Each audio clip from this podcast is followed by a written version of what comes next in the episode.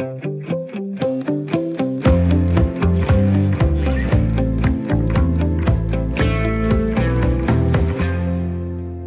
er torsdag, klokken er blevet 10.05. Jeg hedder Mi Rasmussen, og jeg er rigtig glad for og stolt over at kunne sige velkommen til selskabet her på Radio 4. Selskabet det er programmet, hvor vi dykker ned i ugens store erhvervshistorier og sætter særligt fokus på de mennesker, der gør en forskel i dansk erhvervsliv. Det gør vi med et panel af debattører, som sidder med fingrene nede i sagerne, som man siger, på forskellige poster i dansk erhvervsliv, og øh, så gør jeg det også sammen med øh, min faste medvært, Jens Christian Hansen. Hej Jens Christian. Ja, hej, og også et stort velkommen fra mig. Lad os lige lægge ud med dig, og med det, som uh, selskabet først og fremmest handler om. Altså helt kort, hvilke personer mener uh, du har markeret sig i dansk erhvervsliv i den forgangne uge? Jamen, det er jo fuldstændig umuligt at komme udenom politikerne. Politikerne styrer rigtig meget i øjeblikket. De styrer ikke bare landet, de styrer sådan set også en stor del af økonomien. Så det er jo Mette Frederiksen og hendes løjtnanter. Øh, jeg tror næppe nogensinde, at erhvervslivet har været så afhængig af, polit- øh, af politikerne, som lige netop i disse dage, hvor vi også har øh, en pensionsreform, der nu skal debatteres. Øh, så det handler meget om økonomi og arbejdskraft og arbejdsudbud osv. Og en anden en, jeg har lagt mærke til, det er jo så Anders Dam fra, Ny, øh, fra Jyske Bank, topchefen i Jyske Bank, som er ude at sige, at de skal fyre et par hundrede mennesker. Uh, og det tror jeg, vi kommer til at skulle diskutere også fremover. Bankerne er presset Øh, de skal spare på omkostninger, og hvordan kan man gøre det? Det kan man ved at skille sig af med nogle medarbejdere. Det har du øh, helt sikkert ret i. Vi kommer til at gå mere ind i. Øh, og så til dagens paneldeltager, Henrik Drosebjerg, chefstrateg i Danske Bank. Velkommen til. Tak skal du have. Og Stina Vrang Elias, administrerende direktør i den uafhængige tænketank DEA. Velkommen til. Tak skal du have. I arbejder for investeringer i uddannelse, forskning og innovation. Er ja. det rigtigt forstået? Det er helt rigtigt forstået, ja. Oh, godt nok. Det er bare dumt, hvis man kommer til at sige noget forkert fra starten. det, nej, det, hvad kan man sige, det er, vi, øh, vi beskæftiger os med den viden og de kompetencer, som det danske erhvervsliv skal blandt andet skal leve af. Og øh, nu nævnte Jens Christian jo øh, flere af ugens centrale personer i dansk erhvervsliv. Er der nogen, vi har glemt? Ej, jeg ved ikke, at, man kan jo altid finde nogen, men jeg vil sige, dansk erhvervsliv er jo afhængig af mange ting. Uh, en ting er, hvad der foregår herhjemme, men uh, lige nu foregår der rigtig mange ting i USA, uh, som har direkte indflydelse på dansk økonomi. Forhandlingerne om yderligere hjælpepakker, mm. som er strandet i kongressen, de er gået på ferie, men nu bliver de kaldt hjem, fordi Trump angiveligt er ved at aflive postvæsenet. Uh, der foregår rigtig mange ting rundt omkring, men, men der er ingen tvivl om, at USA er ekstremt afgørende. Og hvad siger du? Altså, jeg, jeg, jeg tænker jo sådan, med, den, med de briller, jeg har på, så, så en bestemt politiker har ret stor betydning lige nu. Det er den her pensionsreform. Øh, Peter Hummelgaard som beskæftigelsesminister. Mm. Øh, så det, det er i hvert fald noget af det, som, øh, som vi har kigget, ventet på et stykke tid, at det skulle komme, det her udspil. Vi skal øh, debattere meget mere den næste times tid, og øh, jeg kan også godt afsløre, at det kommer til blandt andet også at handle om øh, genåbningens fase 4, nu er det første gang, vi sender, så for en god ordens skyld, så synes jeg også lige, at vi skal præsentere os selv, Jens Christian. Øh, mig selv, sagde hunden. Jeg starter lige herover. Jeg hedder Mi Rasmussen, jeg er journalist og selvstændig kommunikationsrådgiver. Med lidt flere ord, så rådgiver jeg virksomheder og organisationer i forhold til kommunikation og øh, forholdet til medierne. Og så, jeg, jeg vil ikke kalde mig selv ekspert, men jeg kan blære mig med, at jeg i sidste uge har købt mine allerførste aktier. det er godt. Ja. Altså, vi starter lige i det små, ikke? Og hvad med dig, Jens Christian? Det er så dig, jeg nok vil kalde eksperten. Uh, pas på med det ekspertord der. Det, øh, det forpligter.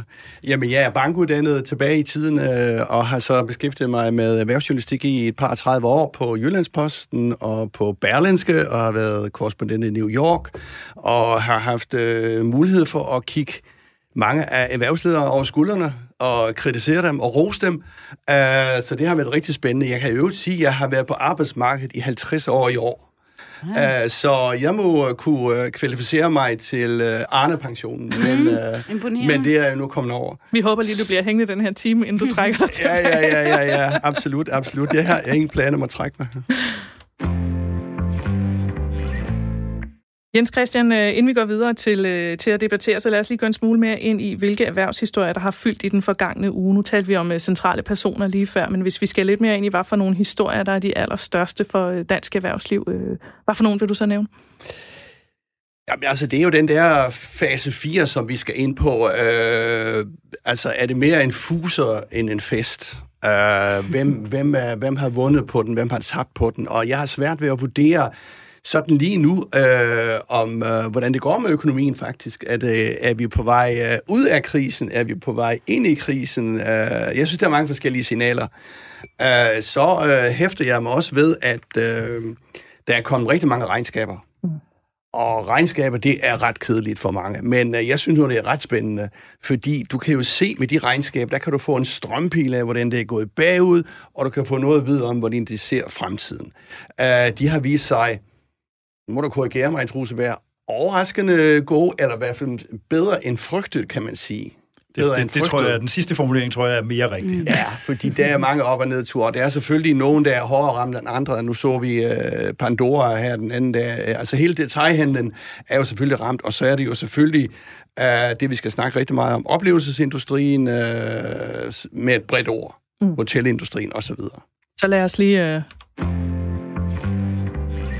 med en lille skiller markerer, at vi går videre til øh, den første debat i dag. Øh, Henrik Drusebjerg, chefstrateg Danske Bank, Stina Vrang Elias, administrerende direktør i, som sagt, den uafhængige tænketank.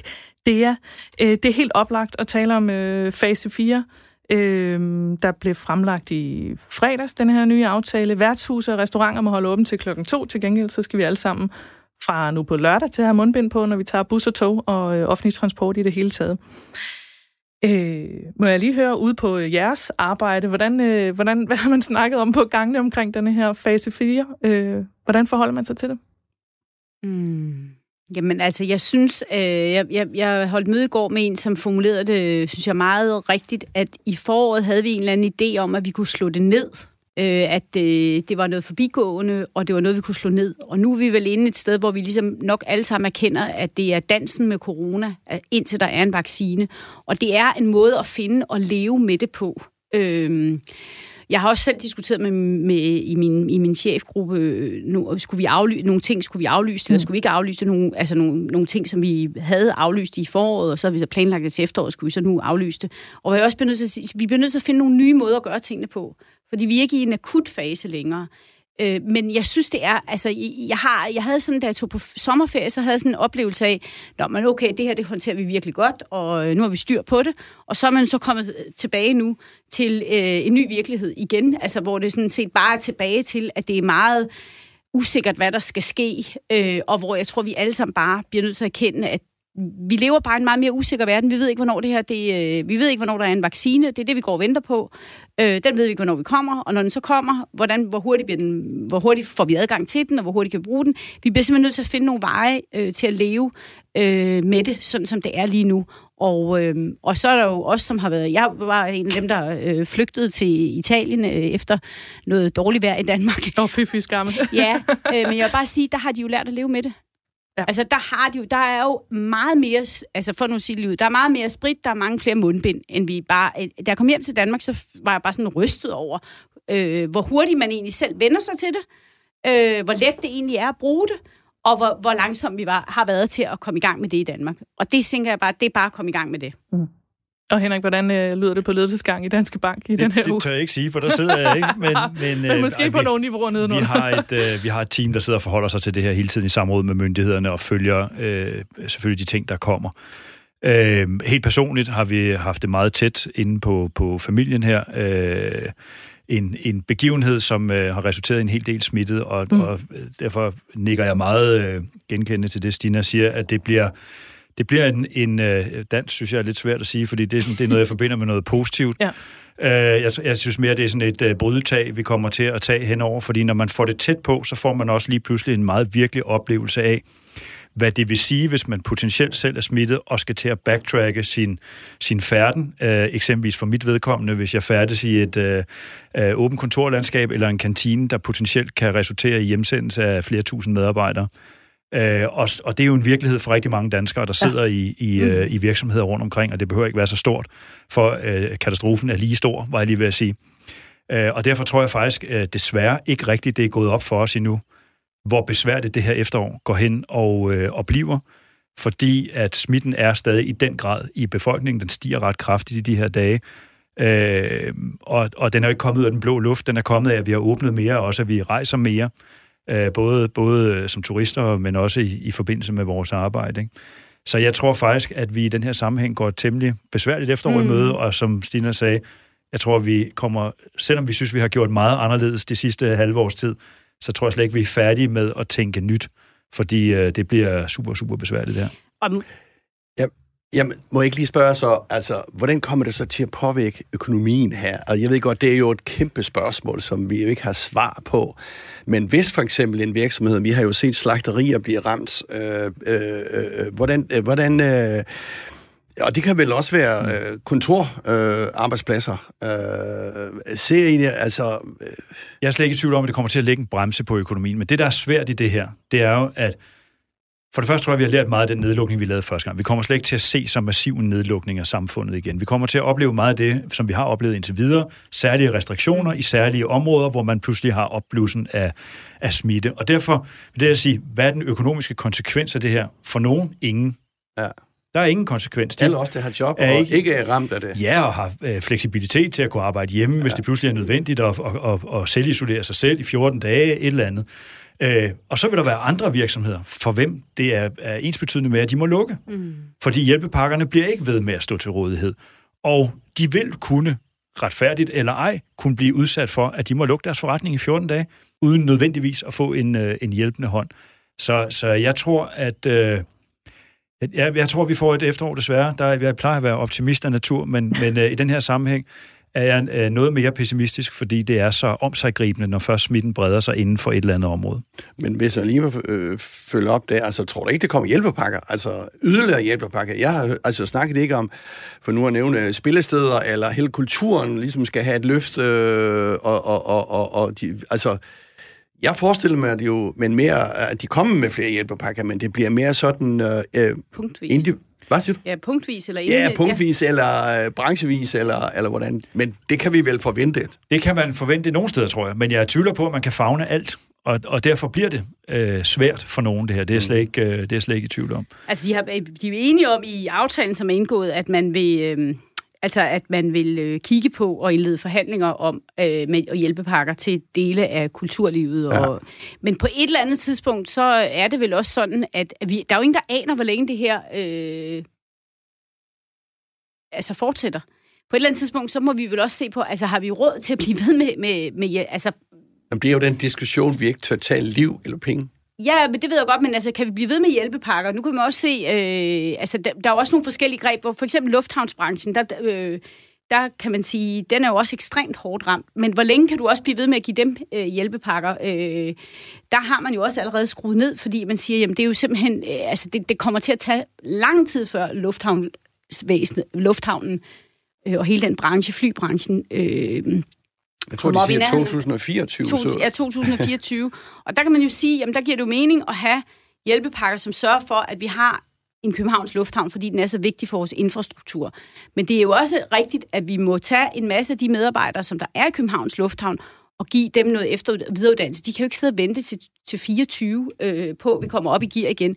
Der bliver vi jo nødt til at gå ind og sige, jamen, hvordan efter videreuddanner vi dem? Hvordan får vi dem over i de steder, hvor at der er behov for de hænder? Fordi de steder, find, der findes jo også brancher, som mangler hænder. Ikke? Mm-hmm. Ja, fordi noget af det, som man har debatteret, og som uh, Jens Christian, jeg ved, du også uh, har sat dig lidt med ind i, det er det der med, at, at det, lykkedes for, uh, det lykkedes for flere, efter at have debatteret rigtig meget kulturliv, så er det lykkedes for flere kulturpersoner, blandt andet Simon Kvam, ligesom at sætte en kile ind imellem og sige, hey, man kan ikke blive ved med at sige natklubber og spillesteder. Det er to forskellige ting. Ja. I er nødt til at adskille det her. Og det er faktisk lykkedes det lavet til dig. På en eller anden måde kommer nogle forhandlinger med spillesteder, men hvordan skal man forhandle med de der øh, enkelte områder, hvis man ikke ved, om der er nogen kunder til butikken? Du ved jo ikke, om der kommer nogen til en forestilling eller noget nu, når der kommer øh, forskellige restriktioner på. Nej, det er fuldstændig rigtigt, og det er jo den konsekvens, vi begynder at se, nu ikke lige i den her sammenhæng, men i mange andre, I øh, nævnte Jyske Bank indledningsvis, der i dag har meddelt, at de vil øh, afskede nogle medarbejdere. Danske Bank, øh, hvor jeg selv kommer fra, har været ude øh, tidligere også at sige, at, at øh, vi skal også være færre. Og, og det tror jeg, man skal læse i det lys, at øh, da corona brød ud, og vi lukkede øh, samfundet ned, der var en hel masse, der mistede deres arbejde meget hurtigt, fordi det var helt oplagt, mm. at når mm. restauranter, bar, hoteller, alting lukker, så, så kunne man sende dem hjem, heldigvis som med, med adgang til forskellige, for eksempel lønkompensationer og andet. Men nu kommer den anden bølge af, at for eksempel Jyske Bank, eller alle mulige andre virksomheder, som Stina nævner her, Københavns Lufthavn, der nu har, altså vi er forbi den der meget abrupte og meget voldsomme nedlukning, nu er vi ved at vende os til en ny dag, hvor vi skal tage brydetag med corona, måske et halvt, måske et helt, måske et halvandet år endnu.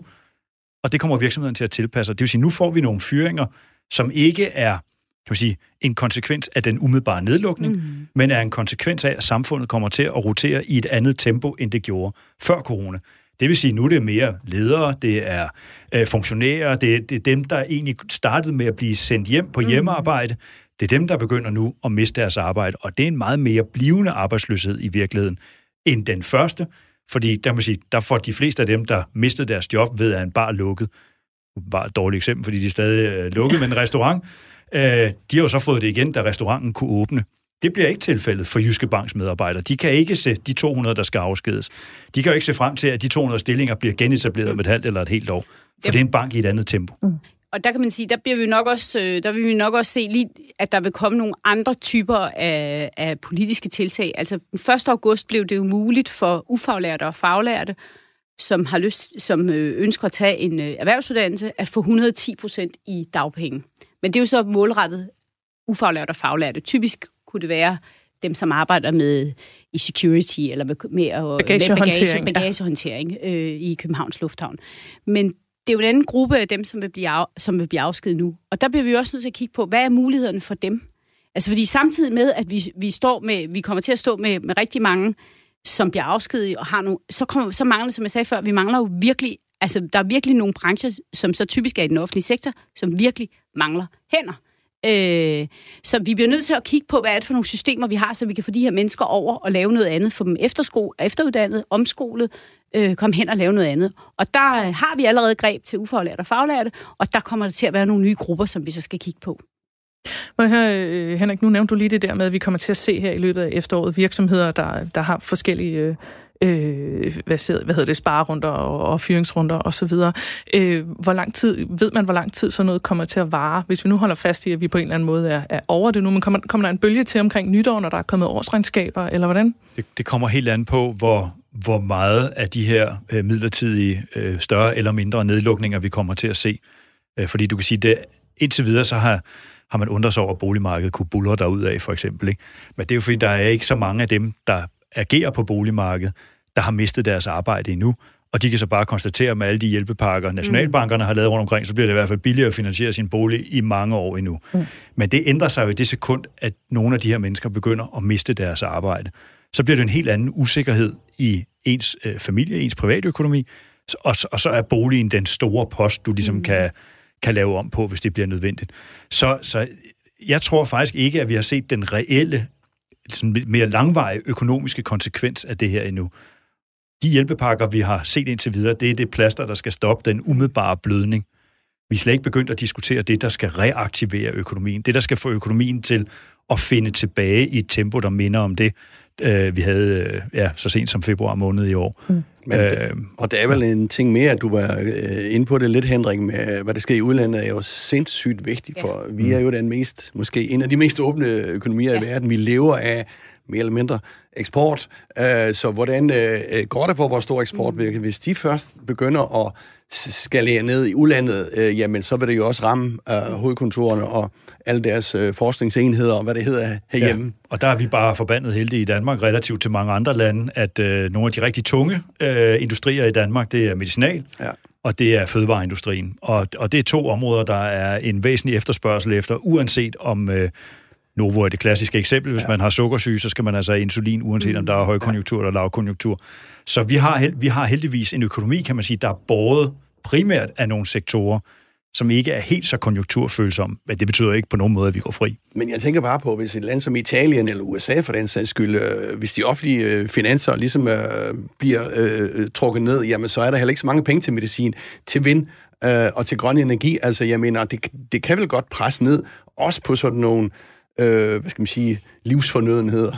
Det kan det sagtens, men, men det er mere senfølgeeffekter. Mm. Det er også derfor, jeg siger, at det, man skal passe meget på med at begynde at slå streger og sige, nå, det var det, eller vi har gjort nok, eller det her det bliver et, øh, et, et tema desværre, der kommer til at præge øh, både den måde, vi lever på, men i høj grad også øh, det tempo, vores økonomi kan arbejde i, i, øh, i et godt stykke tid nu. Så i virkeligheden, når de taler om genåbningens fase 4, så er det sådan, hvor meget genåbning der nu er tale om, det er måske lidt tvivlsomt. Men jeg synes også bare, når Mette Frederiksen hun siger på sit pressemøde, at det her, altså den, at den danske økonomi er jo, jeg tror hun sagde, at den var hårdest siden 2. verdenskrig, ikke? at den er ramt af det her. Det er tre gange så slemt, som det var, da det var værst under finanskrisen. Så er det jo, som Henrik siger, vi kan, mange af os kan ikke rigtig mærke det. Men det kommer nu. Det tror jeg simpelthen også. Altså, jeg tror, det har været... Øh, sådan, det er en, for, en forskydning. Vi havde et håb om, at det ligesom bare kunne være sådan et, et dejligt V, ikke? Altså hurtigt ned, og så hurtigt op igen. Og nu øh, tror jeg, at øh, vi må nok erkende, at det var hurtigt ned, og så bliver det meget mere langvarigt, men det bliver meget mere langstrakt, end, øh, end vi sådan, øh, først lige havde gået og troet. Og der hjælper udviklingen i USA jo på ingen måde. Altså. Ikke som den er lige nu i hvert fald. Nej, det må man sige. øh, Henrik Drusebjerg, du, du nævnte lige øh, fødevare- og, og medicinalindustrien som nogle meget stærke øh, industrier, men kan man på nogen måde tale om, hvem der er de store vinder og taber i forhold til, øh, til corona i Danmark? Åh, oh, men sådan et tema, nej, ikke, ja jo, i Danmark kan du, men et, et tema under hele det har været det, vi kaldte stay, stay at home stocks, altså aktier, der bliver, eller selskaber, der bliver belønnet ved, at vi bliver hjemme helt, altså åbenlyst noget, som uh, Netflix har set en eksplosion i abonnementerne, mm. gaming-tjenester af forskellige karakterer. Øh, fordi Madkasseordninger. For, for, ja, altså der er jo alle mulige eksempler på virksomheder, der af, at vores hverdag har ændret sig, øh, som, som, som står til at, at gavne af det her. Online-handel er blevet boostet endnu mm. hurtigere, end, øh, end, end, øh, end man havde tur fremskrive øh, tidligere. Så, så der er jo sådan nogle helt oplagte. Det, jeg synes, der er mest interessant i virkeligheden, det er at sige, hvad, hvad ligger der, hvilke virksomheder, som traditionelt set måske er hårdt ramt af det her, bliver de rigtig dygtige til at omstille sig til den nye øh, virkelighed. Kan Københavns Lufthavn i virkeligheden øh, gøre nogle geværgreb, mm. der gør, at selvom de er umiddelbart altså aller, aller forrest på øretævernes holdeplads, kan de øh, formå at lave en eller anden form for transformation, der gør, at de kan udnytte nogle andre muligheder i den periode, hvor de er så hårdt ramt, som de er. Mm. Og der tror jeg, at vi vil finde nogle overraskende vinder, som, som i princippet står der, hvor, hvor øretæverne næsten ikke synes at have nogen ende. Øh, fordi de andre sådan, det er lidt mere oplagt i virkeligheden. Ikke? Ja. Men nu nævner du den der, altså man kan jo sige sådan hele, hele transformationen fra, fra fysisk handel, altså hvis man går en tur op og ned ad strøget i København, jamen, så er det jo flere og flere butiksvinduer, der, der mm. er, hvor det står øh, til leje, ikke? Mm. Og man kan jo jeg tænker da bare på, øh, når folk de køber madkasser, og de køber tøj hjem øh, digitalt øh, og får det sendt, så er det vel også helt transport øh, industrien, ja. øh, som jo kan, øh, kan blive et kæmpestort øh, nyt, øh, nyt marked, lidt afhængig af hvornår og hvor hurtigt den der digitale omstilling sker i detaljhandlen. Jeg kan i hvert fald huske, at jeg snakkede lige inden, altså det var før corona, der snakkede jeg med en som øh, ekspert i sådan noget med ejendomshandel, og han sagde, jamen på grund af, at nethandel allerede inden corona jo var meget stigende, så øh, de her øh, lagerbygninger, der ligger ude ved motorveje, som man før i tiden har været totalt usælgelige, Altså, de er jo lige pludselig øh, hot stuff, ikke? fordi det er jo sindssygt godt i forhold til at have det til... til så, så der vil jo ske nogle af de her øh, ting.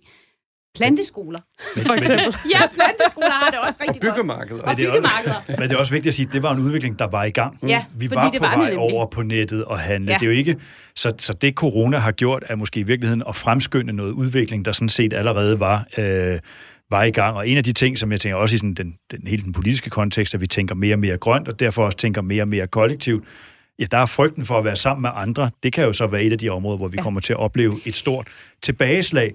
Altså ikke, for jeg tror, at vi alle sammen kommer til at flyve rundt i privatfly, det er næppe særlig rentabelt, men det der med at kunne adskille sig over at sidde i sin egen bil frem for at sidde i en mm. bus, det har fået en anden dimension, ja. som gør, at nogle af de ting, som man ellers har investeret efter, faktisk kommer til at opleve en, øh, en betydelig modvind på, men hvad betyder, på det her. Men det betyder vel nu, at flere begynder at købe privatbil, ja, eller hvad? altså jeg, der vil jeg sige, at DSB jo faktisk ikke altså, hjulpet. Nu er jeg jo selv pendler på kystbanen, ikke? Så kommer man hjem fra Italien. Altså en ting er, at de jo så ophæver det her pladsbilletskrav. Det betyder så, at der er flere ved toget. Ja. Og det gør de så, inden at det her mundbind er et krav. Det er jo så, alle de der ting er så værre, hvad det vil. Men at deres eget personale ikke har mundbind på, det fatter jeg simpelthen ikke. De kan jo ikke kræve, at jeg har det på, men at deres eget personale, og at der ikke er sprit i de der tog. Altså, jeg, jo, øh, jeg har det jo sådan, at jeg elsker at køre tog, men jeg er jo, jeg kender folk, der ikke gør det længere. Altså fordi de simpelthen synes, det er en lemfældig omgang med deres øh, sikkerhed. Fordi de her kontrollører, de går jo igennem toget. Altså fra den ene til den anden, til den tredje, til den fjerde. Der er ikke noget sprit, når du kommer ind, øh, som du kan spritte af.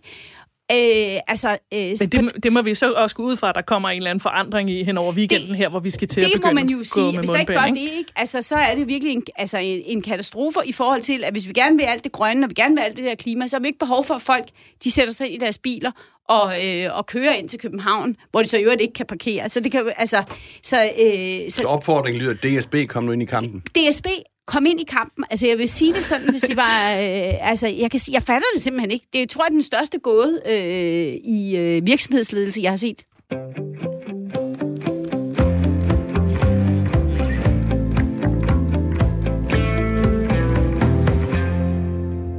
Velkommen tilbage til anden del af Selskabet på Radio 4, programmet, hvor vi dykker ned i ugens største erhvervshistorie og sætter særligt fokus på de mennesker, der gør en forskel i dansk erhvervsliv.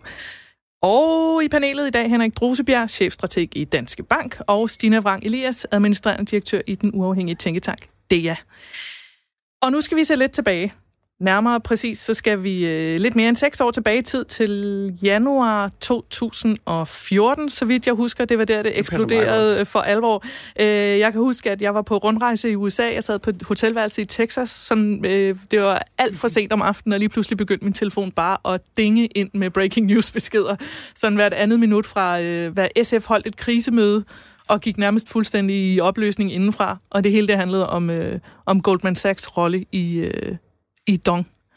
Øh, Jens Christian, prøv lige første omgang lige at rise op for os. Hvorfor er det, at nu vi skal tale om, øh, om Dong nu igen igen? Hvad er det nye? Jamen altså, grundlæggende er det jo fantastisk, at et energiselskab kan skabe så store og stærke følelser, men det kunne det altså øh, i sin tid. Jamen, det, vi skal snakke om Dong i, igen igen, Dong Ørsted, som det ja, hedder, fordi Berlinske i en serie sætter fokus på, hvad skal man sige, den pol- politiske beslutningstagen, der er tilbage i, øh, i 14, 13, 14, hvor det hele gik, øh, gik øh, bananas. Øh, og og det, altså, det er jo en sag, der ikke vil dø, øh, Dong-sagen. Og jeg synes igen, at de her markeringer fra Christiansborg viser, at man har placeret sig i to skyttegrave på at politikerne har øh, placeret sig i to skyttegrave på Christiansborg, og de vil ikke, øh, og de drømmer ikke om at gå op af de skyttegrave.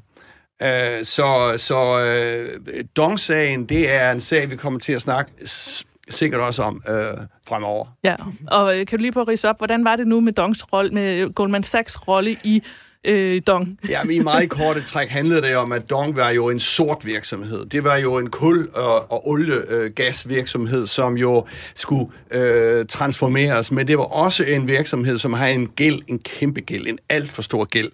Uh, så den skulle altså have noget ny kapital ind. Så spørger man ejeren, det er den danske stat, vil I komme med flere penge? Nej, det vil den danske stat ikke. Det er også politikerne. De siger nej. Så skal de ud på markedet, som det hedder, og hente noget kapital. Uh, og uh, det korte og lange, det er, at det faktisk kun er én, der byder sig til med et rigtigt kapitalindskud, og det er Goldman Sachs. Øhm, men hvad er så, fordi det jeg egentlig tænker over, det er, hvad, hvad er spørgsmålet her? Nu er der gået så mange år, øh, og jeg så i Berlingske, at der kaldte de sagen for, i godsøjne, verdens mest perfekte skandale. Altså, hvorfor er den det? Jo, men det er den jo selvfølgelig, fordi at øh, man diskuterede i sin tid, okay, hvad skal Dong så øh, fastsættes til? Altså, hvad er værdien, når øh, Goldman Sachs skal ind og, og, og, og, lave en kapitaltilførsel? Og den, øh, der satte man det til en, øh, en, en værdi, som nogen siger var for lav, og andre siger, jamen det var jo det, den øh, kunne øh, øh, øh, prisfastsættes til i et, i et frit marked. Og siden er den jo eksploderet. Øh, jeg, jeg, jeg er ret sikker på, at det er den største transformation af en virksomhed fra sort energi mm. til grøn energi på forholdsvis få år, en 3-4 år. Og nu er værdien af, af, af hele øh, Ørsted øh, 380 milliarder. Den danske statsværdi er jo så halvdelen, 50,1 procent, og det kan jeg ikke regne ud, men det bliver jo omkring øh, 170, øh, 170-80 milliarder kroner. Det kan Sådan være, at en- Henrik Drusebjerg kan tallene lidt mere præcist. Nej, det kan jeg ikke. I en lille parentes, så kan man sige, at den værdi, som staten har i, i Ørsted i dag, faktisk kunne finansiere de hjælpepakker, som, som, øh, som øh, vi øh, øh, øh, har brug for i disse, bare for os øh, at nævne størrelsesforholdet. Jamen, øh, Stina, hvordan ser du på den sag i dag? Jamen altså, jeg, jeg synes, det er for sådan en som mig, som er udeforstående, så er det enormt svært at se, hvad der er op og ned, fordi øh, Rigsrevisionen konkluderer jo også, at der er øh, dokumenter i sagen, de ikke kan finde. Så, så som jeg forholder mig til, at det er, har vist sig at være en god forretning, men om den forretning, om den kunne være kommet alligevel, altså havde øh, man fundet penge et andet, på en anden måde, øh, det kan jeg simpelthen ikke vurdere. Men det, jeg kan sige, det er bare, at den vækker helt utrolig stærke følelser. Det gør den. Altså øh, blandt politikere, øh, og også blandt vælgere. Altså, jeg har rigtig mange af mine venner, som jo, øh, som, som virkelig, det her, det kan virkelig få dem op af stolen, og som er, øh, som synes, det er en største skandale, og staten skulle aldrig have solgt, og altså, som vidderligt føler meget, meget, meget stærkt om det her. Så, så det er bare en sag, som ikke vil dø, fordi den vækker så stærke følelser. Øh, og jeg synes egentlig, at øh, Helle Thorning siger det meget fint på forsiden af Berlingeren, øh, hvor hun siger, at vi havde simpelthen ikke blik for, hvor kontroversielt det var. Nej. Jeg tror simpelthen ikke, at de havde set, at det var så kontroversielt. Og sådan som jeg erindrer det, så havde Bjarne, altså var Bjarne Korydon en helt utrolig populær finansminister frem til det her. Lige præcis. Og det Altså var, frem til det her, så kunne han næsten ikke sætte en fod forkert. Øh, og så, øh, så ændrede alle opfattelse. Øh, og, og han blev set som den store skurk. altså, hvis jeg lige må sparke ind i en Ja. her, øh, som jeg synes, at øh, Bjarne Korydon, han lavede en, en, en fodfejl, kan man sige her. Jeg synes sådan set ikke, det var fejl i at, at, at få det, men han lavede den fodfejl, at han ikke fik SF og Dansk Folkeparti med ind under hele forløbet med den nye udenlandske investor, så havde det ikke været nogen billede overhovedet af min Men, påstand. men det er vel det, hvis man på- på forhånd sidder og tænker, at det, det kan ikke få den store betydning, så gør man heller ikke alle de der, øh, hvad skal man sige, øh, øh, på forhånd træk, som kan polstre en til, hvis der kommer nogle kritiske historier. Øh, Henrik Drusbjerg, hvordan ser du på den sag? Og nu skal jeg jo passe på, hvordan jeg formulerer mig. Overhovedet ikke. Du skal bare sige det, du synes. jeg, jeg synes, den, altså fra et økonomisk perspektiv, jeg blander mig ikke i det politiske, men fra et økonomisk perspektiv, så synes jeg simpelthen, den er komisk. Øh, det her, det handler, øh, altså grund til, at det er så stor en sag, handler i min optik om følelser og, og, og bagklogskab. Og, og ingen af delene kan vi bruge til noget. Når vi står, som Jens Christian så fint øh, ridsede op før, med en virksomhed ejet af en stat, der har alt for høj gæld, er, er i en business, der er, er forbi, var det ved at sige, og man skal lave en kæmpe omstilling. Så går man ud, prøver at rejse noget kapital, det kan ikke lade sig gøre. Så går man på det private marked, og der melder Goldman Sachs sig. Og det, det var bare svært for nogen i kølvandet på finanskrisen. Men sandheden er jo, at Goldman Sachs er en exceptionel, succesfuld virksomhed. Så hvis du gerne vil have en partner mm. til en succesfuld transformation, så kan man næsten ikke drømme om en bedre partner end Goldman Sachs. At det så bliver den dundrende succes, det er jo en kombination af, at man har set rigtigt, man får sat den rigtige ledelse ind, øh, man, man får drevet selskabet korrekt, og der så sætter sig nogen bagefter og siger, ah, vi har også solgt for billigt. Jamen, altså, ja, det er, Må jeg ikke lige skyde ind her, Jo. øh, at øh, hvis man gerne vil være lidt klogere på den her sag, så øh, har Tue Mantoni skrevet en bog, der hedder Samfundskontrakten, hvor der er et, øh, som handler om den samfundskontrakt, der er mellem dansk erhvervsliv og, og, og offentligheden og politikerne, og hvordan det her samfund, det danske samfund udvikler sig. Og et meget interessant kapitel, hvor der virkelig er noget nerve i, det er et interview med Jakob Baruel Poulsen, som er den, der faktisk får ideen til de her parker, som er det, som som driver den her tra- grønne transformation, som beskriver det direktionsseminar, de har, hvor det er Anders Eldrup, der er i spidsen, hvor de beslutter sig for at gå ind i havvindmøller. Og simpelthen, øh, at det er bare virkelig sådan, det er, meget, det er utroligt tæt på fra en person, som jo ikke har nogen aktier i sagen på den måde. Han er ikke politiker. Øh, han har i dag et rigtig, rigtig godt job. Øh, han øh, er, og er super dygtig. Men at få et blik indefra, hvad pokker var det, der skete, i hvert fald da, da, da Dong, som så blev til Ørsted, besluttede sig for at gå ind i det. Hvad var det for noget kapital, man havde brug for? Hvordan var stemningen i, i, øh, i virksomheden, og med den daværende bestyrelsesformand Fritz Schur og den slags. Det er et super spændende øh, kapitel, som jo er med fordi at det er Tue Mantonis øh, pointe, sådan som jeg forstår det i hvert fald, at det at sælge til Goldman Sachs var et brud på den samfundskontrakt. Det kunne man simpelthen ikke, det kunne man ikke politisk leve med. Sådan fortolker jeg, at det er derfor, det kapitel er med. At der var simpelthen nogle politikere, det kan man bare ikke. Altså det ville have været anderledes, hvis det var et svensk pensionsselskab, man havde solgt til. Det havde helt sikkert gjort en forskel. Altså, men det, at det er Goldman Sachs, det kan jeg også mærke hos de af mine venner. Altså det, det vækker bare stærke følelser. Det er jo lige oven på finanskrisen. Og det er oven på finanskrisen, og det er, øh, altså det er, det kunne næsten ikke være værre. Vel, jo, øh, hvis det ikke var Lehman Brothers, som var gået ned, det havde været værre. Men at Goldman, problemet med Goldman Sachs var vel også, at de har en masse penge i industrier, vi ikke kan lide, ikke? Nej, det er faktisk ikke rigtigt. Uh, nu skal jeg ikke stå og forsvare Goldman Sachs, for de er også nogle banditter. Uh, og de er på nogle områder. Men jeg kan huske, de var nogle af de første, der tegnede hele deres hjemmeside grøn. Og nu snakker vi 5, 6, 7, 8 år tilbage i tiden. Og hvis vi vil noget med det grønne, jamen, så må vi også have nogen, der kan hvad skal man sige, øh, øh, øh, øh køre sådan en, en, en, en, en transformation igennem. Uh, fordi uh, hvis man tror på, at det er markedet, der skal styre, uh, så er det jo sådan, at det skal være et afkast. Og Goldman Sachs har set, at der er et afkast på at transformere over til grøn energi. Mm. Og det bliver vi altså nødt til at, at, at, at respektere. Det, de tog så 12 milliarder ud, og 12 milliarder er rigtig mange penge at tjene.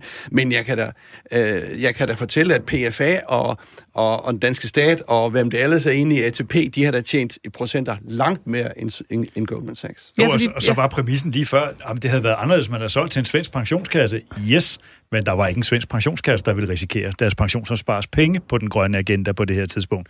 Det ville Goldman Sachs. Fordi man havde spurgt sig omkring, og der var ikke nogen. Ja, og det er jo derfor, sagen bliver komisk, fordi der sidder nogle partier i nogle tilfælde, der er forholdsvis uh, uprøvet regeringsmæssigt, og når man så får magten, så skal man tage nogle beslutninger en gang imellem, og Goldman Sachs var dem, der ville medfinansiere her. Alternativet havde været, at man havde holdt fast i Dong, og så havde man måske ikke stået med et af de førende selskaber inden for grøn energiomstilling i dag, som vi nu har med, med Ørsted. Så jeg synes, det er, er undskyld, lidt komisk. Men det kan jo sagtens komme til at, at, at, at, at komme øh, mere på dagsordenen senere. Og den forliskreds, der ligger mm. omkring uh, Dong uh, Ørsted nu, uh, det forlig, de udløber faktisk her i 2020. Så hvis staten vil sælge øh, så, så skal den øh, forliskreds, de skal faktisk træde sammen i år og finde ud af, om de vil lave en ny øh, forlisskitse med et par år frem i tiden, eller om de vil sælge. Jeg tror nok ikke, øh, der bliver salg forløbig, men... Øh... Nej, fordi sagen er, at den er staten ejer 50,1 procent af aktierne i, i Ørsted, ikke? Så hvis man, hvis man begynder at sælge, så sidder staten ikke på majoriteten længere, og det gør vel en stor forskel i forhold jo, til den måde, vi betragter forskel, selskabet man, på. Jo, jo, men man kunne jo godt gå ned på øh, 30-40 procent, altså... Øh, men du har da ret i, selvfølgelig er du majoritetsaktionær, så mm. bestemmer du i princippet det hele. Mm. Og så er der siden snedet sig en, en ny agenda ind af bagdøren, om man så må sige, som vi faktisk så for den rigtige flor efter finanskrisen, i takt med, at mange virksomheder faldt voldsomt i værdi. Det er, at kineserne i, øh, i vid udstrækning benytter sig af de her meget store værdifald til at købe sig ind som betydningsfulde aktionærer. Mm. Og derfor har vi hele den her diskussion, Margrethe Vestager har også løftet den i, øh, i EU, om hvilke virksomheder, om end de er private eller ej, skal vi betragte som kritisk infrastruktur. Øh, altså ting, der er afgørende for Danmarks erhvervsliv, Danmarks sikkerhed, Danmarks øh, fortsatte drift. Og der er jeg ret sikker på, at, øh, at et selskab som Dong, det er et selskab, man ret hurtigt kan putte i den, øh, i den kategori. Og derfor tror jeg, at staten også fremadrettet uagtet forligskredsens syn på, øh, på Goldman Sachs dengang, har fået nye og andre argumenter at se blandt andet det her selskab i. Ja, vi har i hvert fald også med corona fået ny syn på, hvad der er kritisk infrastruktur. Mm-hmm. Jeg tænker på ja. salget af, af den, den øh, statslige vaccinefabrik, som nu ligger på er det en, en, en, emirat, en emirat, der har, øh, der har det, købt den? Det pussy for lige at, at knytte den ekstra øh, på, på Ørsted, det er jo, den er ikke infra, øh, øh, øh, kritisk for den danske infrastruktur. Der er ikke noget i Danmark. Der er selvfølgelig nogle havvindmølleparker, men den er kritisk for hele øh, verdens øh, infrastruktur, kan du sige. Men det er ret ligegyldigt for den danske stat at, at eje aktier i, øh, af min point. Øh, det, det tror og, jeg kommer meget an på, hvem den potentielle køber er. Ja, men jeg tænker på, på alle aktiviteterne, ikke alle, stor del af aktiviteterne og hele fremtids... Øh, øh, scenariet for Ørsted, det ligger i udlandet. Mm. Helt klart. Altså, det er ja, ja, skal blive stor, ikke? Øh, Men... Jeg siger ikke, at det så... Øh, derfor kan staten jo godt have et guldæg, som kan blive endnu mere værd, ikke? Mm. Øh, men det, altså, det er bare igen det der med, at det er så det der så stærke følelser om, og vi blander det hele sammen altid, ikke? Øh, så så øh, så, øh, så der er i allerhøjeste grad grund til, at Berlingske lige rippet op i det ja, igen med interview med Bjarne Køjderen og så videre.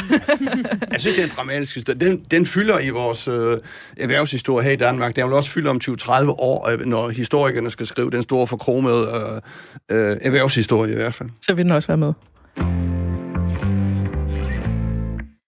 Her i selskabet på Radio 4, der vil vi være udsendelse rundt af med at tegne et lidt større billede og analyse af en øh, central erhvervsperson, der har været i vælten i den forgangne uge. Og i denne uge, der er erhvervsprofilen, erhvervspersonen Nina Schmidt. Øh, Nina Schmidt er professor i økonomi og har været vismand. Jeg synes, hun har været en del af den offentlige debat hele mit voksne liv. Mm. Øh, men øh, Jens Christian, sæt lige lidt flere ord på, hvorfor er det, du synes, det giver mening at sætte spotlightet på øh, Nina Schmidt i den her uge? Jamen, Nina Schmidt er en af de øh, højst placerede øh, kvinder, i hvert fald i toppen af dansk erhvervsliv. Hun har været med, som du siger, mange år. Hun er 65 år. Hun er jo deltidslandmand på Djursland. Uh, hun er skarp, hun er direkte, hun går godt, hun, hun tør sige noget. Uh, det er jo sådan tit i, uh, i erhvervslivets top, at der er ikke rigtig nogen, der tør sige noget, eller vil sige noget ud af til, men det tør hun godt. Uh, hun er fremme i den her uge uh, uh, og siger, at uh, og taler om, uh, om de særlige regler i finanssektoren, altså at det er svært for kvinder at komme op i toppen i finanssektoren, fordi man har nogle nye regler, de hedder fit and proper, altså det er sådan noget med egnethed og hederlighed og sådan noget. Øh, øh, og meget skrappe krav, øh, jeg synes også for skrappe krav, øh, som gør, at kvinder ikke kan hoppe op i eller for sværere ved at hoppe op i toppen af, af dansk, øh, øh, øh, den danske finanssektor. Og hun har sagt det sådan, altså det ender med at blive en klub af gamle mænd som direktør i finanssektoren. Hun har fundet det rigtige tidspunkt at sige sådan noget på. Ja, i hvert fald det sjove, hvis jeg lige må få i til, så er det jo, hun er jo i hele den der Nykredit-koncern, som er en af de øh, helt store danske øh, finanskoncerner, øh, og øh, hendes formand i Nykredit, det er en, der hedder Merete Eldrup, tidligere TV2-direktør, og så sidder Nina Schmidt som næstformand i, i det opererende selskab. Men så er hun samtidig formand for det her forenede kredit, uh, som ejer Nykredit. Det er en lidt, uh, mm. det er en lidt uh, kompliceret konstruktion, men det kort er det lang i Nykredit, det er, og totalkredit, det er, det er boligejerne, der sådan set ejer øh, nykredit. Og det er der, hun sidder, bare for lige at få det mm. på plads. Det er ikke det, vi skal diskutere her. Det er mere den der med, hvordan, øh, hvordan får man flere kvinder? Det er jo det evindelige spørgsmål. Hvordan får vi flere mm. kvinder op i toppen i finanssektoren? I en finanssektor i øvrigt, hvor det kan være, at Druseberg kan korrigere mig, men jeg mener, at 40-50 procent af medarbejderne totalt set er kvinder, øh, hvis jeg husker ret. Øh, rigtig, rigtig, rigtig mange. Altså, jeg kan kigge på mit eget team, det er 50-50. Det er 50-50, ikke? Men, men altså, de dør så ligesom på vej op i karrierestigen der. Ja, øh, det gør de heldigvis ikke, men, øh, men øh, de vælger at gøre noget andet. Øh, men det er rigtigt. Det er, hvis man kigger på en bank generelt, der kan være lidt forskel fra afdeling til afdeling, men hvis vi ser på, øh, på kønsfordelingen i bankerne, så er den faktisk øh, sådan, om den lige præcis er 50-50, men den er i hvert fald tæt på. Øh, jeg læste en artikel for nylig øh, omkring ledelsen i Danske Bank. Der har været rigtig stor udskiftning af mange forskellige grunde. Øh, men hvor der blandt andet var et citat, som jeg blev mærke i, hvor der var en, der sagde, at det er pudsigt i Danske Banks øh, ledelse sidder der i dag flere hollændere, end der er kvinder. øh, hvor mange kvinder sidder der i ledelsen af Danske Bank? Øh, der sidder meget bekendt en, øh, hvis jeg ikke tager helt fejl. Ud af hvor mange? Øh, og jeg ved ikke, hvor stor den er. Vi mangler jo blandt andet øh, Jacob Aarups afløser i øjeblikket. Men jeg vil sige sådan helt principielt, så har jeg ikke lyst til at sige noget om Danske Bank, i og med, at jeg er beskæftiget der. Øh, så det synes jeg vil være, øh, det vil være forkert. Øh, men jeg synes at Nina Schmidt hæver, eller øh, løfter en super vigtig pointe. En ting er kvinders adgang til, til direktionerne i, øh, i bankerne i Danmark. Noget andet er bare fornyelse i ja. direktionerne i, øh, i bankerne, og den så skal komme i form af, af kvinder eller, eller mænd, der laver noget andet end at være i banker. Vi har jo lavet et regelsæt i dag, der gør, at nu talte vi om Ørsted og Dong, øh, skråstreg Dong tidligere, øh, Henrik Poulsen, der nu har meddelt, at han forlader øh, hvad hedder det, Ørsted, har gjort det fantastisk, ubestridt, øh, dygtig til sit arbejde. Han er, er per definition ukvalificeret til at træde ind i en bank. Når jeg tænker tilbage på min egen øh, opvækst gennem øh, banksektoren, så har jeg i en tidligere beskæftigelse engang været øh, inviteret på et ledelsesseminar, hvor vi sad 200 øh, bankfolk opdraget i banken, beskæftiget i banken hele vores liv, og så fik vi en weekend til at tænke ud af boksen. Jeg kan bare sige, der kom ikke ret meget uden for boksen. øh, øh, og det, og det, altså, du kan jo ikke, øh, du kan ikke forlange det umulige af, af, altså, af folk, når de ikke har evnerne, var jeg lige ved at sige. Og det er jo et grundlæggende problem for finanssektoren, at man selvfølgelig på baggrund af finanskrisen har haft et ønske om at holde finanssektoren i kortere snor, og det har jeg stor sympati for. Det, det var finanskrisen jo et, et, et åbenlyst eksempel på. Men, og jeg er med på, at jeg er helt øh, inhabil i den her sammenhæng, men tag det for, hvad det er.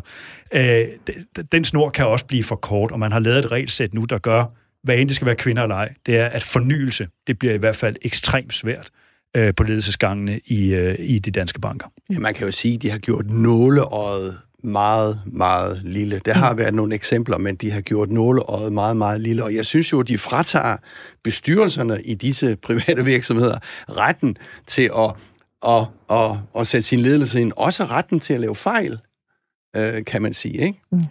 Stina, hvordan, øh, hvordan ser du på, på det her med, at man skal have haft en toppost i 10 år i banksektoren, før man kan øh, komme helt op i, i toppen? Hvad betyder det for kvinder?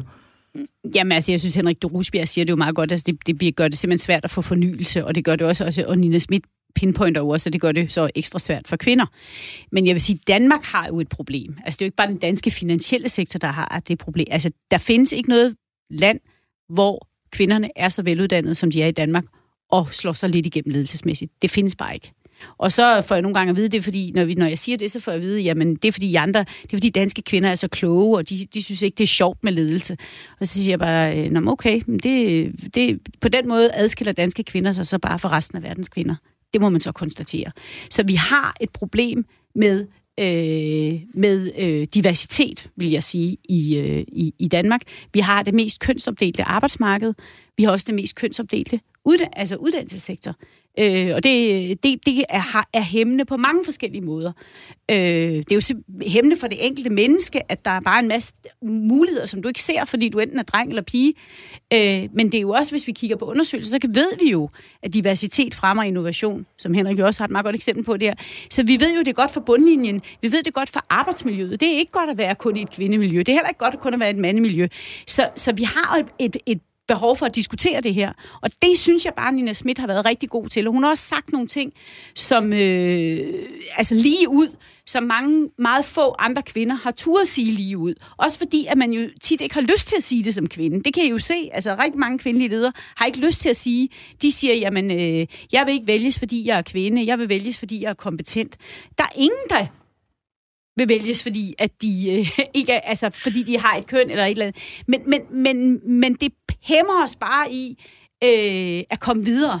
Fordi vi ikke engang vil acceptere i Danmark, at vi har et ligestillingsproblem. Nej, men det jeg tænker er, at Nina Schmidt er jo, øh, i hvert fald i min verden, en lidt, lidt anderledes stemme i det her, fordi hun selv sidder på de her øh, topposter, og også, også altid har været meget bramfri, også omkring børneopdragelse og sådan noget. Ja. Hun har blandet sig i alt muligt, der ikke nødvendigvis har kun har med hendes en... fag at gøre. Hun er sådan en stemme, ikke? Jo, og en, øhm, en rollemodel. Ja. Er det, er det måske, det var, det var egentlig det, jeg ville høre om, er det, er det måske sådan en som hende, der kan gøre en forskel på at komme med de her udmeldinger, fordi hun ikke, ikke får det der, hvad skal man sige, skingerstemplet på med det samme nødvendigvis. Altså for det første vil jeg sige, hun er bare utrolig afholdt, fordi at når du også når du kommer fra akademia, så, er der jo, så, så ved man godt, at i, at i den akademiske verden, der, kan vi faktisk, der måler man faktisk, hvor dygtige folk er. Og hun er rigtig, rigtig, rigtig dygtig. Så der er ikke nogen, der kan sige, at Nina Schmidt ikke er kompetent. Og derfor har hun jo en adgang til at kunne sige nogle af de her ting. Du kan godt diskutere, altså der vil være delt meninger om, hvorvidt jeg selv er kompetent. Så når jeg udtaler mig om ligestilling, så kan folk jo sige, at hun er kommet nemt til det, eller et eller andet andet. Det er der bare ingen, der kan sige om Nina Schmidt, fordi hun har også beviser i den akademiske verden, hvor at man måler og vejer, øh, og det er vidderligt nåle at komme igennem. Så derfor synes jeg, at hun er unik, og jeg synes også, at hun har påtaget sig det, hun er en person, som jeg selv ser op til. Altså, øh, der, jeg har også mange mænd, jeg ser op til, men jeg ser også op til Nina Schmidt, og jeg synes, hun har taget nogle, nogle kampe. Jeg ville jo sådan ønske, at vi på et tidspunkt kunne komme hen og snakke om, at vi var mennesker. og ikke om vi var mænd eller kvinder. Men der kommer til at tage noget tid. Nej, for jeg vil lige vende tilbage til de her fit and proper regler, fordi de gælder jo både for mænd og kvinder, uanset hvad for en hudfarve man har. Øh, hvem er det, der har lavet de regler? Altså, kan man afvige fra dem, hvis vi nu siger, at vi er alle sammen enige med Nina, så i Danmark gør vi det lige lidt anderledes? Øh, det kan du i nogle tilfælde. Øh, altså, det er jo politikerne, der har lavet dem øh, i samråd med Finanstilsynet. Øh, og, og øh, du kunne godt tillade dig i Danmark at sige, at vi har nogle andre regler. Vi har faktisk nogle andre regler, som det er nu, som er lidt mere lempelige end de regler, der gælder i, øh, i EU for eksempel. Så det vil sige, at det er hele EU, det her, det i princippet er... Ja, men problemet er, at øh, økonomi er jo internationalt, vi har været inde på det tidligere. Danmark er en lille åben økonomi, der skal agere også uden for grænsene. Og rigtig mange af de danske banker, lige så snart de kommer op i en vis størrelse, så er de afhængige af, at øh, udenlandske pensionskasser, det kunne være en svensk, øh, det kunne også være en amerikansk, øh, at, at de er med til at kapitalisere, altså putte penge i, i investere i vores banker i princippet. Øh, og, øh, og det gør de jo kun, hvis, hvis reglerne er let forståelige og transparente.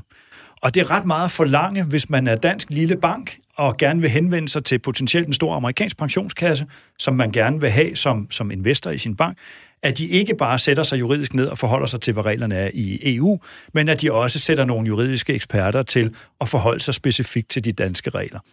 Det er vi simpelthen for små til, mm. at, at vi kan køre vores eget regelsæt. Og derfor ville det være ekstremt klogt, at vi havde samme regelsæt som EU. Problemet i den her diskussion er bare, at EU's krav er i princippet faktisk endnu skrabere end det, der lige nu er, er, øh, er gældende lov. Så derfor skal du sige, hvis vi skal lave det om, og det skal have betydning og vægt, så skal vi have lavet det om i hele EU. Så skal vi gå en anden vej. Men Henrik, altså, nu må jeg lige udfordre dig lidt, fordi altså, jeg har meget respekt for lovgiver, og jeg har sådan set også respekt for, at man sætter krav til øh, topchefer, men der er vel også plads til en grad af fortolkning af de regler, der er. Uh, altså, jeg ved ikke, hvor, øh, hvor meget, men jeg uh, kommer der til at tænke på, at uh, nu vil du ikke uh, kommentere dine egne uh, banker, det kan, det kan jeg godt forstå, men i, en af de helt store sager her var jo, at, at en meget kompetent uh, direktør i Danske Bank ikke kunne blive topchef dernede, fordi han ikke havde erfaring nok. Han var, uh, han havde simpelthen ikke været nok i, i, i topchef. Og samtidig blev der udnævnt en 40-årig direktør i, i SE-banken i Sverige, øh, som jo i hvert fald heller ikke har haft 10 års erfaring. Så bare for at sige, at det er vel plads til lidt fortolkning også her. Ja, men den fortolkning ligger jo ikke i bankerne. Det er jo ikke bestyrelsen nej, nej, undskyld, eller direktionen. det er i Finanstilsynet. Det er Finanstilsynet, der kan vælge at fortolke dem. Så ja. er vi tilbage på myndighederne og politikerne. Ja. Og jeg er ret sikker på, at Finanstilsynet de sidder og skæver over på politikerne for at se, om de holder sig inden for skiven. Om det er Finansministeriet eller Justitsministeriet eller begge instanser, man, øh, man, ja. man er i dialog med på, på den ja. konto. Det skal jeg ikke øh, kloge på. Det kender jeg ikke det politiske system godt nok til. Men det er jo ikke en fortolkning, bankerne kan lave. Og Nej, det vil det sige, sidder du i en bankdirektion, eller undskyld, en bestyrelse i dag, og gerne vil forny din direktion, banker er i overvejende og i stigende grad ved at blive tech-selskaber. Mm. Vi skal blive mere og mere digitale. Altså, det vi er nødt til at noget, slutte nu, vi har ja, ikke mere noget selvmodsigende i, at gennemsnitsalderen er ekstremt høj. Så man mm. gerne have nogle unge folk ind, der forstår den teknologiske udvikling, mm. om det så er mænd eller kvinder. Og det er faktisk øh, umuligt i dag. Vi er nødt til at runde af, for vi har ikke mere tid. Øh, vi skal slutte af med at sige, at hvis I har bud på gæster, emner og andet godt til programmet, så er vores mailadresse selskabet snabelag radio4.dk. Tak til gæsterne i dag, Henrik Drusebjerg. Selv tak. Stina Vrang Elias. Og min Selv faste tak. medvært Jens Christian Hansen. Ja, tak. Jeg hedder Mi Rasmussen. Vi høres ved næste torsdag.